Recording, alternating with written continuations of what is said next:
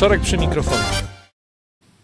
Dzień dobry, witam bardzo serdecznie. Kolejny program Wieczorek przy mikrofonie. Będziemy dzisiaj rozmawiali o sprawie, która dotyka tak naprawdę całej Polski, ponieważ mamy problemy w Polsce z, z tym, że rodzi się bardzo mało dzieci, czyli nas Polaków ubywa. Jak to zrobić, żeby było inaczej? I o przyczynach niepłodności e, będę rozmawiał z moim dzisiejszym gościem, którego bardzo serdecznie witam w studio, doktor nauk medycznych Joanna Tkaczuk-Włach. Dziękuję. Nie pomyliłem, bo zazwyczaj zamiast U to mówię Y, ale mam Tak. nadzieję, że tym razem było OK. Jest ok. Bardzo dziękuję za zaproszenie. Bardzo jest mi miło. Marku, jeżeli Tak. pozwolisz, będziemy Tak. na ty, bo nie Znaczy, będziemy udawać, że się nie Państwo, znamy. No właśnie, nie będziemy udawać, że się nie znamy. Znamy się bardzo dobrze od lat, ale nie będziemy już mówić ile, więc dlatego, że, że Już to nie nie. jest, nie jest to jakby treścią programu.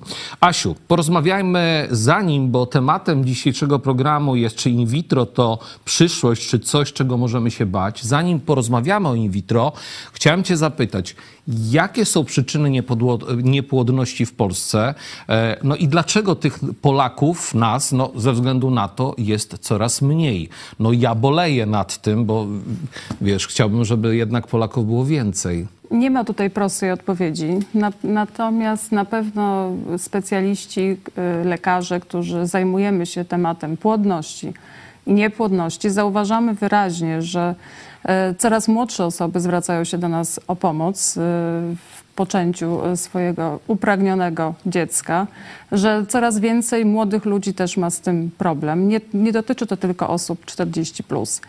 Y, Nie zawsze kończy Bo to się kiedyś to... było tak, że zazwyczaj Tak. to te osoby starsze, jak e, powiedzmy zajęły się karierą, e, jakby Tak. przespały ten okres najlepszy do, do urodzenia dziecka, czyli po 40, to, to wtedy był problem. A teraz coraz młodsi. tak Coraz mówisz. młodsi się e, zgłasza, młodsze pary, tak, jeżeli możemy Tak. tak, powiedzieć. Ten problem wi- widzimy, że dotyczy no właśnie szerokiego przekroju pacjentów wiekowo, jeżeli chodzi o wiek.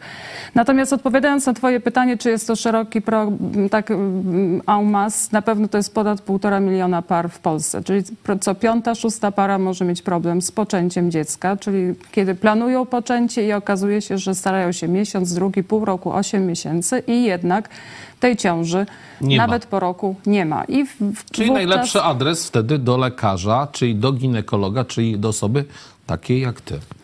E, No, ja już jestem, e, może powiedzmy, e, specjalistą, który typowo zajmuje się leczeniem niepłodności, ale wystarczy udać się do swojego lekarza ginekologa, przynajmniej z zapytaniem, czy w celu przebadania takich ogólnych przyczyn, być może łatwych do usunięcia. E, To jest zebranie wywiadu, to jest e, zbadanie, zbadanie oczywiście też partnera, bo w niepłodności to jest tak specyficzna jednostka chorobowa, że mamy do czynienia niby z dwoma e, osobami, czyli e, kobietą i mężczyzną, ale pacjent jest dla nas jeden, czyli tak naprawdę e, płodność pary jest dla nas mm, Jakby pytaniem. pacjentem, nie pytaniem, Tak, pacjentem, pytaniem i ją szacujemy wykonując e, badania dodatkowe, prawda, oceniając e, e, właśnie kwestii pary. Więc nie możemy pozwolić na to, że kobieta jest e, badana najpierw, a dopiero za jakiś czas partner. Jeżeli już przystępujemy do diagnostyki, to zawsze dotyczy ona pary. Okej, no to mamy taką diagnostykę. Okazuje się, że no jest ten problem z niepłodnością. No i zmierzamy w tym momencie do tego byka, którego musimy dzisiaj wziąć na rogi. Bo ten byk to e, no, duże ma rogi, duże oczy. Ludzie się, e, no jak słyszą in vitro, no to, to zaczyna to emocje wzbudzać. E, I może zacznijmy od tego. Jasiu, co to jest in vitro? Czy rzeczywiście to jest coś, czego powinniśmy się bać? Absolutnie nie. Jest to metoda, y, która już ma swoje lata i medycyna też bardzo y, uczyniła wiele, wielki postęp w zakresie tego leczenia. Jest to rzeczywiście le- metoda wysoko specjalistyczna, wymagająca zaangażowania też wielu specjalistów. To nie jest tylko lekarz. Pamiętajmy również, że musimy e, korzystać tutaj z pomocy embriologów, którzy są osobami e, szalenie wyspecjalizowanymi właśnie w zakresie pomocy, prawda, i pracą z, zarodkami, z opieką nad zarodkami, prawda. Bez nich nie ma in vitro. No tak. Więc zarówno personel m, pomocniczy, panie pielęgniarki, nawet y, panie w rejestracji przy, też, które zarządzają, to ma cały zespół ludzi, którzy pomagają tej parze. Wracając do twojego pytania, co to jest in vitro, jest to najbardziej zaawansowany, zaawansowany sposób leczenia. Pamiętajmy, że I niepłodność jest... zaznaczmy, zaznaczmy Tak. to. Jest to sposób, drodzy widzowie, leczenia. Leczenia, Ważne. tak, bo y, ja jestem lekarzem, więc mówimy o leczeniu, więc o niczym innym. Szanowni Państwo, y, niepłodność jest chorobą, jest to chorobą społeczną. Światowa Organizacja Zdrowia już dawno określiła niepłodność jako chorobę społeczną, czyli właśnie chorobę o bardzo szerokim y, zakresie, że tak powiem, społecznego działania, tak, i, i wymagającą też leczenia, więc nie wstydźmy się tego, ale też no, trudno czasami może przyjąć właśnie pacjentom, zwłaszcza tym młodym, że mówimy u nich o chorobie, tak? Więc y, czy my od razu proponujemy in vitro, czyli zapłodnienie pozaustrojowe? Nie. To jest bardzo rzadko, że na pierwszej wizycie z pacjentami rozmawia się o tak zaawansowanych sposobach leczenia. Czyli co, proponuje się e, po prostu inne metody? Oczywiście, że tak. No to Najpierw może e, o tym właśnie chwilę.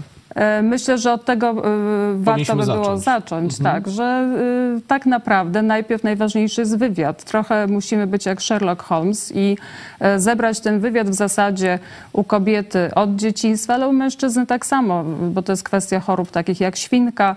U kobiety, czy nie było jakichś prawda, zaburzeń w okresie dojrzewania, miesiączkowania. Sięgamy bardzo, bardzo, nawet czasami do okresu ciąży, czy nie słyszeli, że mama na przykład brała w czasie ciąży jakieś hormony. Więc y, wywiad, obciążenia, szukamy jakichś dodatkowych może endokrynopatii, które można wyleczyć, a które zdecydują o tym, że para samodzielnie pocznie y, upragnione dziecko.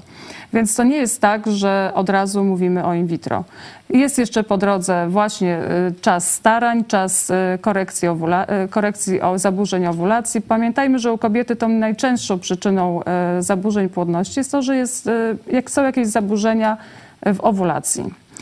E, U mężczyzny najczęściej są to e, jakieś zaburzenia, jeżeli chodzi o jakość nasienia. Niekoniecznie jest to liczba plemników, ale najczęściej chodzi o jakość, czyli e, zadbanie o siebie w tym okresie przedprokreacyjnym, tak? Dieta, ruch, zrezygnowanie z używek.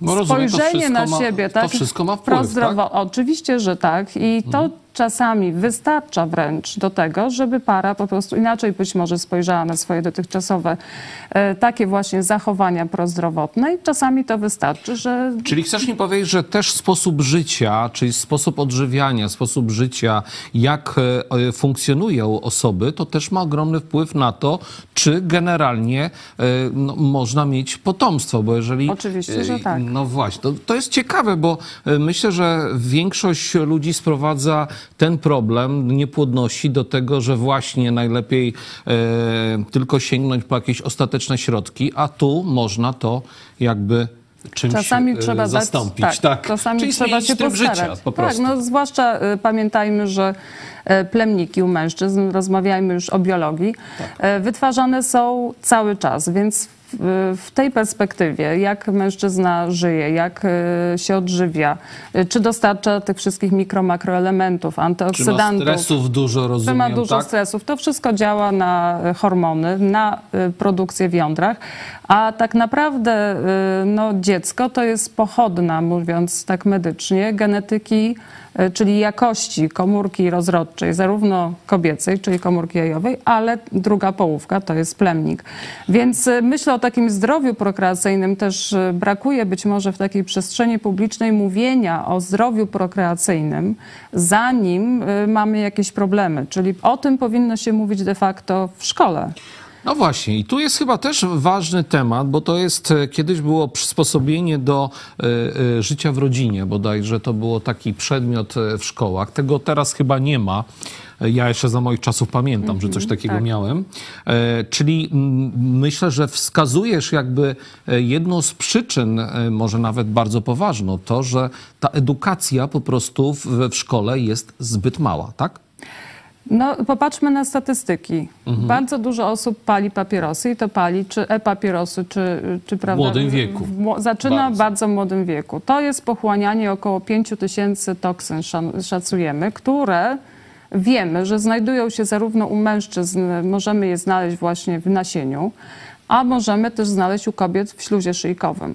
Jeżeli taka kobieta czy młoda dziewczyna, młody chłopak zaczyna palenie w, w tak wczesnym wieku i ma ten kontakt z takimi e, toksynami, jak można się spodziewać, że jego komórki czy jej komórki e, jajowe będą dobre, kiedy będzie miała 35 lat i zacznie się starać o ciążę.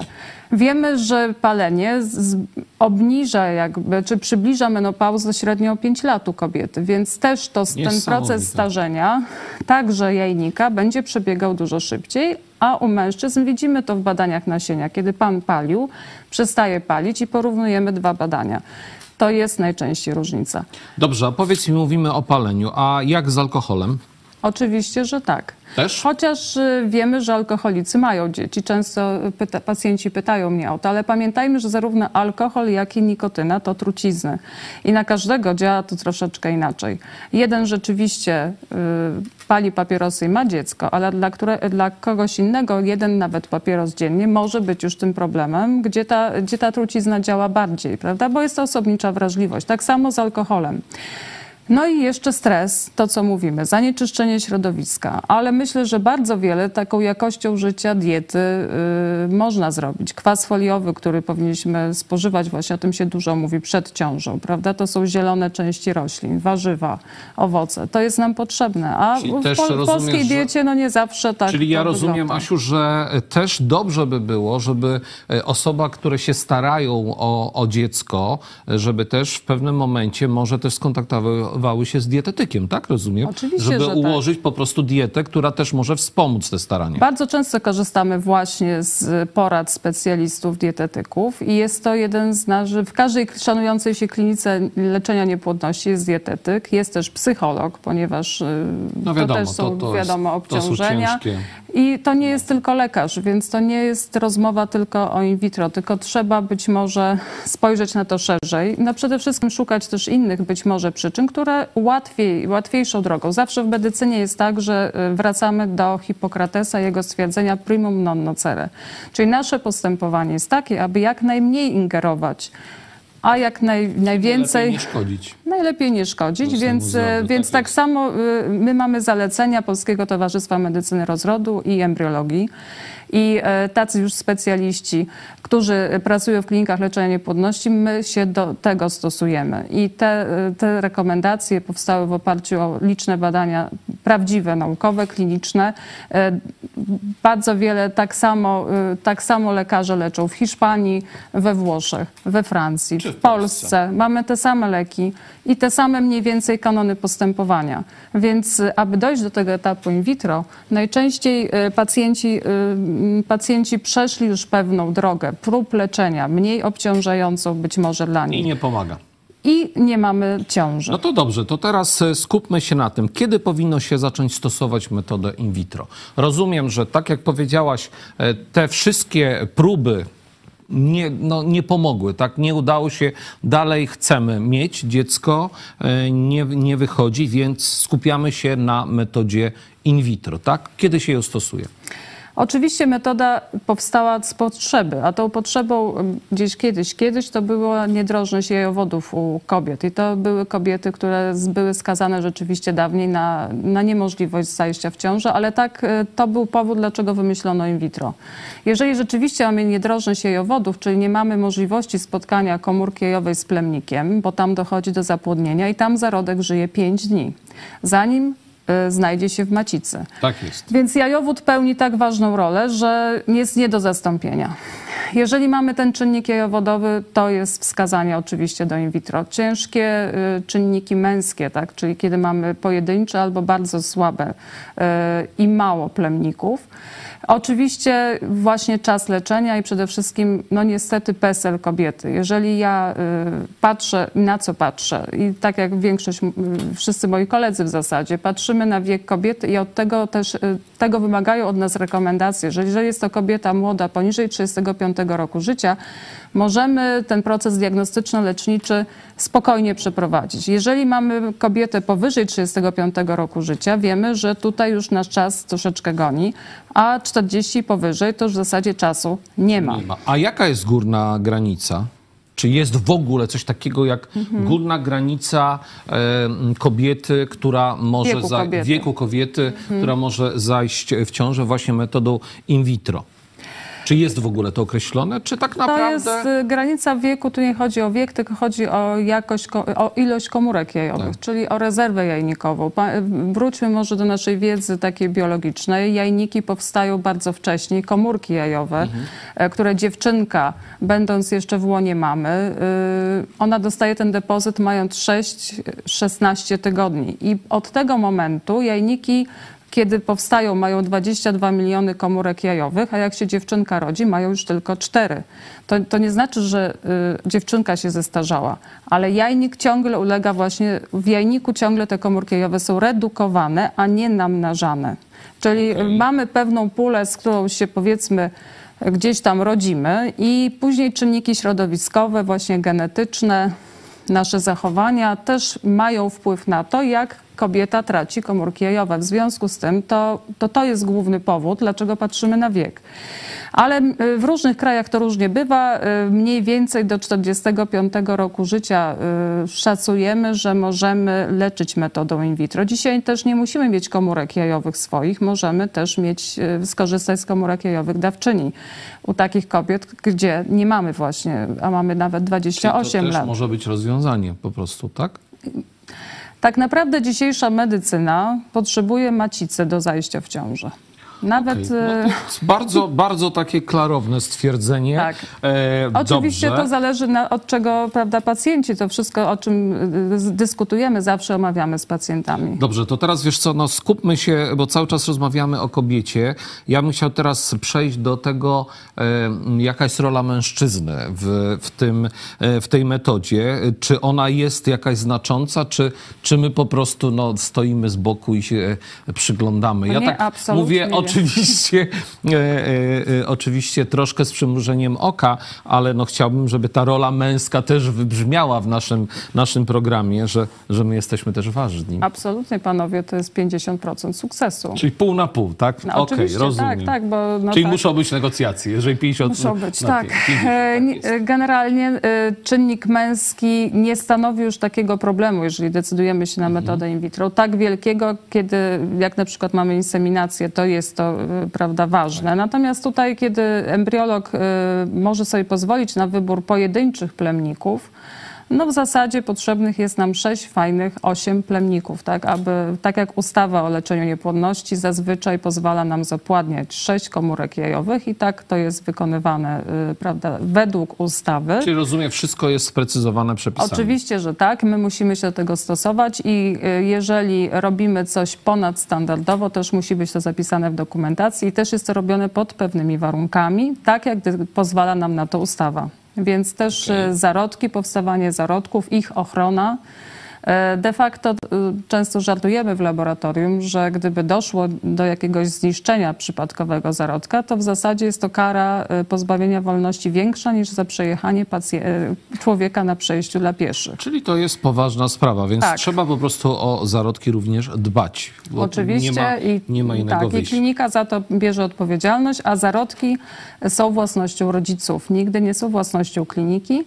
Zarodki, czyli dzieci e, rodziców, e, są ich I własnością. to myślę, że też Tak. powinno bardzo dobrze wybrzmieć, że, że właśnie zarodki są własnością rodziców, a nie kliniki, I to- nie, nie lekarzy, nie osób, Tak. które się tym zajmują, tylko, tylko to jest własność Nasi właśnie rodziców. pacjenci za każdym razem, kiedy dochodzi do transferu, obydwoje rodzice muszą wyrazić na to zgodę. Tak więc zarówno ojciec, pytanie twoje o rolę Tak, mężczyzny, zarówno ojciec, jak i mama dwa dni wcześniej, dzień wcześniej podpisują zgodę na rozmrożenie zarodka i dopiero embriolog po wyrażeniu obopólnej zgody rodziców możemy przystępować do rozmnożenia i podania zarodka właśnie do Dobrze, czyli mamy, mamy w tym momencie podanie zarodka, czy jest metoda in vitro i jaka jest skuteczność? Czy, czy można określić, czy są jakieś statystyczne okreś- znaczy wyliczenia, jeżeli chodzi o skuteczność tej metody? Oczywiście, że tak. My y, skuteczność in vitro u kobiety młodej, czyli do 35 roku Mhm. życia, jest wysoka, bo to jest 60 nawet procent. No Podczas gdy szacowana skuteczność starania naturalnego, takiego u osób, powiedzmy, że mamy parę optymalnie płodną, bez żadnych y, chorób, tak, to płodność człowieka jest niska i to musi, z tego musimy sobie zdać sprawę, że populacyjnie, gatunkowo jesteśmy gatunkiem bardzo słabo płodnym, mimo że teoretycznie co miesiąc możemy zachodzić w ciążę, to szacujemy, że płodność taka miesięczna superpłodnej pary to jest między 17 a 20-22%. No to rzeczywiście szanse dosyć mocno są podwyższane. Tak. No 17-60, to drodzy Państwo, to jakby nie patrzeć, to jest, jest duża różnica. Czyli pozytywne, to, to są skutki pozytywne. A y, widziałabyś skutki negatywne? Są jakieś w ogóle skutki negatywne? No jak każda metoda leczenia, a tą metodą jest także in vitro, y, zawsze musimy z pacjentami omówić potencjalne zagrożenia, bo takowe też się mogą wydarzyć, jak w każdym postępowaniu medycznym. Począwszy od krwawienia na przykład w czasie punkcji, od jakiegoś y, ne- negatywnej y, reakcji na, leczenie hormonalne, ale muszę powiedzieć z punktu widzenia jakiegoś doświadczenia, że już tak ta metoda jest dosyć dobrze opracowana i tak mamy fajne leki, można powiedzieć. Y, To są leki już czwartej generacji, y, czyli bardzo, bardzo Zaawansowane. celowane, takie, prawda, y, działające w Specy- okres- spersonalizowane, tak, tak? tak, można też właśnie dąży się do tego, aby tą terapię personalizować. Nie robimy stymulacji w sposób sztampowy, czyli tak dla każdego to samo.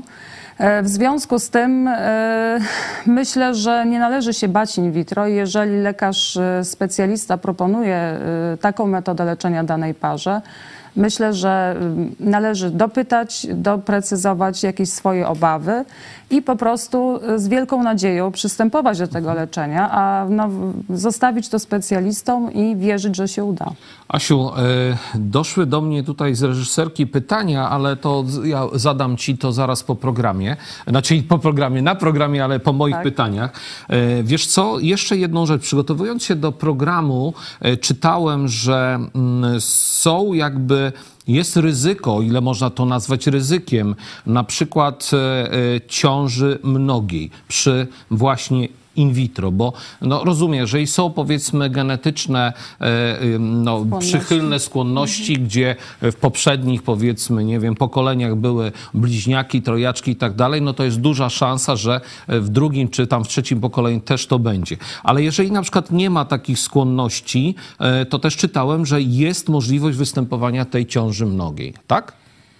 Jak to wygląda? Generalnie dzisiaj nie podaje się więcej niż jeden zarodek do jamy macicy. Rzeczywiście my unikamy tego ryzyka jak najbardziej, że- żeby ta ciąża była jednak pojedyncza, nie mnoga. Wiadomym jest dla każdego ginekologa, że ciąża mnoga od razu jest ciążą wysokiego ryzyka, więc my również dla nas jest to powikłanie i nawet zdarzenie, można powiedzieć, trochę w cudzysłowie niepożądane. W związku z tym my się przed tym... Są to ryzyko, no, jakby nazwa. tak, ale generalnie podajemy po jednym zarodku, więc bardzo rzadko się zdarza, y, żeby podawać dwa zarodki. To już y, jest pewien etap leczenia, być może wcześniej się coś nie udawało, być może kobieta już jest w zaawansowanym wieku, na przykład zostaje w laboratorium dwa zarodki i wtedy jest taka decyzja, ale zasadniczo podajemy jeden zarodek, aczkolwiek zdarzają się też nam sytuacje, sama osobiście przeszłam to kilkukrotnie, kiedy podawaliśmy jeden właśnie kontrolowanie, jeden zarodek, a kiedy potwierdzaliśmy ciążę w USG, okazywało się, że jest to ciąża mnoga. Ale generalnie są to rzeczywiście pacjentki, które w rodzinach miały najczęściej y, tego typu ciąże, więc zazwyczaj też w, tra- w trakcie zbierania wywiadu już y, wiemy, z kim mamy do czynienia i jak bardzo musimy się, że tak powiem, krygować tak, troszeczkę. korygować, dobrze. Więc y, w gruncie rzeczy nam nie zależy na tym i robimy wszystko, żeby do tych ciąż mnogich nie dochodziło. Asiu, kolejne pytanie, bo no wiadomo, zawsze y, są pytania o koszty przy takich sytuacjach. Do tej pory widzieliśmy dosyć dużą walkę kobiet o to, żeby finansować y, in vitro z funduszy ogólnopolskich, bo przez pewien okres tego, tego nie było. Y, Część samorządów oczywiście próbowała to wspomagać pary, które y, chciały zajść metodą in vitro, mm, może nie zajść, mieć po prostu potomstwo. Powiedz mi, jakie to są koszty, jeżeli można określić, jeżeli, bo wiadomo, no, w tym momencie, jeżeli ma się wsparcie nawet samorządu czy, czy ogólnopolskie, no to to pokrywa. Ale jeżeli para na przykład nie dostałaby takiego wsparcia, na jakie koszty no, ona musiałaby być przygotowana? Jak to wygląda finansowo? E, Więc, szanowni państwo, no właśnie to jest, to jest procedura wysokospecjalistyczna. Musimy sobie zdać z tego sprawę, że ona oprócz tego, że y, sam sprzęt, który jest używany oraz y, płytki, na przykład laboratorium, z którymi styka się zarodek, to są rzeczy bardzo drogie i bardzo specjalistyczne. Plus leki, które na szczęście w naszym kraju są dla kobiet do 40 roku życia refundowane. No i sama procedura laboratoryjna, chyba ona jest najdroższą rzeczą. Można powiedzieć, że takie in vitro minimalne, czyli takie, żeby przejść proces stymulacji jajników, punkcji, e, hodowli później, czy opieki tej nad zarodkami, e, kiedy one są w laboratorium i mrożenia, no para musi się tak e, przygotować. Różnie to bywa w różnych klinikach, prawda? Ale no, myślę, że no, dżentelmeni nie rozmawiają o pieniądzach, Okej. ale około 15 tysięcy myślę trzeba sobie Ale my, zabezpieczyć. z- my z tego względu, że jesteśmy. e, Troszeczkę nie... Może nie jest nas dwóch panów. Jak widać na załączonym obrazku, pani doktor jest e, kobietą, jakby nie patrzeć. Tak, Przyznaję się, tak. tak jest. Zresztą mąż, którego znam doskonale, pozdrawiamy serdecznie Rafała e, z tego, z tego miejsca. No, jakby nie patrzeć, świadczy, że, że, że, że tak jest. E, Czyli tak, mamy 15 tysięcy, to jest minimum, jaka kwota przy rozumieniu jednorazowym, e, tak? To jest, e, szacujemy tutaj, że powinniśmy zamknąć też trzy transfery. Pamiętajmy, że Mhm. leczenie niepłodności czy metodą in vitro uważamy, że powinno obejmować stymulację, y, opiekę prawda, nad zarodkami i powinniśmy mieć możliwość wykonania trzech transferów. To wtedy uważamy, czy in vitro się, znaczy uważamy, czy możemy szacować, że to in vitro się udało, bądź nie. Pamiętajmy też, bo o tym się może rzadko mówi, ale pozwolę sobie jednak na taką uwagę, że... Że W tej stacji telewizyjnej, przypominam, drodzy telewidzowie, nie ma cenzury. E, Właśnie oddam szacunek moim kolegom embriolożkom, embriologom e, pracującym w laboratorium i często, ich często nie widać, a to są osoby, które muszą mieć bardzo specjalistyczną wiedzę. e, Również kliniki muszą wysyłać je na bardzo specjalistyczne szkolenia. To kosztuje. To kosztuje. Tak, również y, no, lekarze tacy jak my, my w zasadzie mamy, to nie jest wiedza z książek. My musimy jeździć na, y, w zasadzie w ciągu roku na kilku, kilkanaście nawet razy na szkolenia przeróżne po całym świecie, aby nadążać, że tak powiem, na za bardzo dynamicznie zmieniającą się wiedzą. I wchodzą wciąż nowe technologie, wchodzą wciąż nowe, wciąż nowe leki, nowe możliwości. I mm, to też jest jakimś kosztem zarówno dla lekarza, jak i dla kliniki. Tutaj, tutaj to nie są ludzie przypadkowi. I jest nas dosyć mało, że tak powiem, w Polsce też i na świecie. Jest to pewna grupa, która no właśnie fokusuje się na tym temacie. W związku z tym tak jak mówię, in vitro to jest naprawdę wysoko specjalistyczna procedura, więc ona niestety, no niestety też właśnie pociąga jakieś konsekwencje Asiu, finansowe. czas szybko bardzo leci. Mam nadzieję, że dotknęliśmy tak dobrze tematu, że jak ktoś obejrzy nasz wspólny program, to e, wiedzę bardzo poszerzy. E, I ja bym na koniec chciał jeszcze Cię zapytać, czy poza tym finansowym wsparciem, czy poza medycznym, czy jeszcze e, przy takim e, czasie, kiedy się stara, e, no, powinno być jeszcze jakieś inne wsparcie. Ja myślę tutaj no, o rodzinie, o bliskich, o znajomych, bo e, wydaje mi się, że no, ten aspekt też, też jest chyba bardzo ważny, bo, bo no, finanse jedno, tak, medycyna drugie.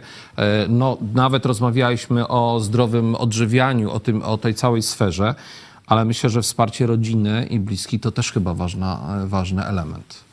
呃。Niepłodność jest taką chorobą bardzo trudną, myślę, bo często wymagającą od pacjenta, to jest choroba długodystansowców często, więc to leczenie często trwa, wymaga bardzo dużego zaangażowania. My musimy tych pacjentów zapraszać, panie, na wizytę powiedzmy co drugi, trzeci dzień.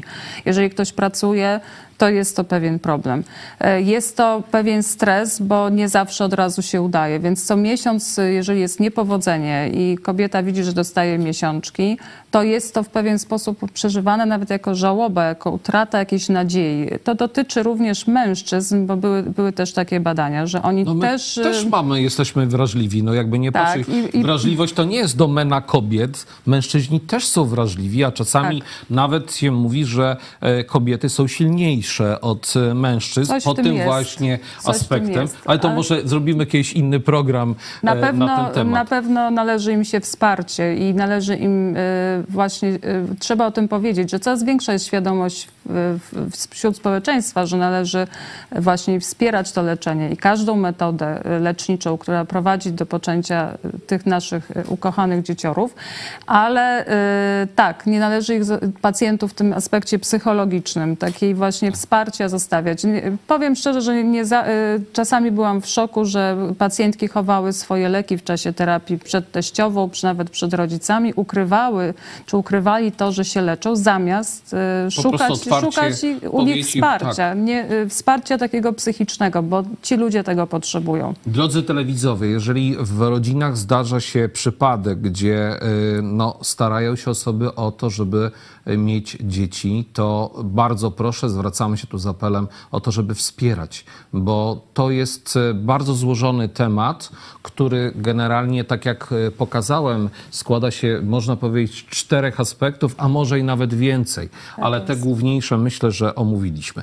Asiu, ja już zapytałem Cię o wszystko, ale y, mam pytanie od y, naszego widza y, i mimo tego, że mówiliśmy chyba już o tym, ale chciałem, żebyś się do tego pytania ustosunkowała.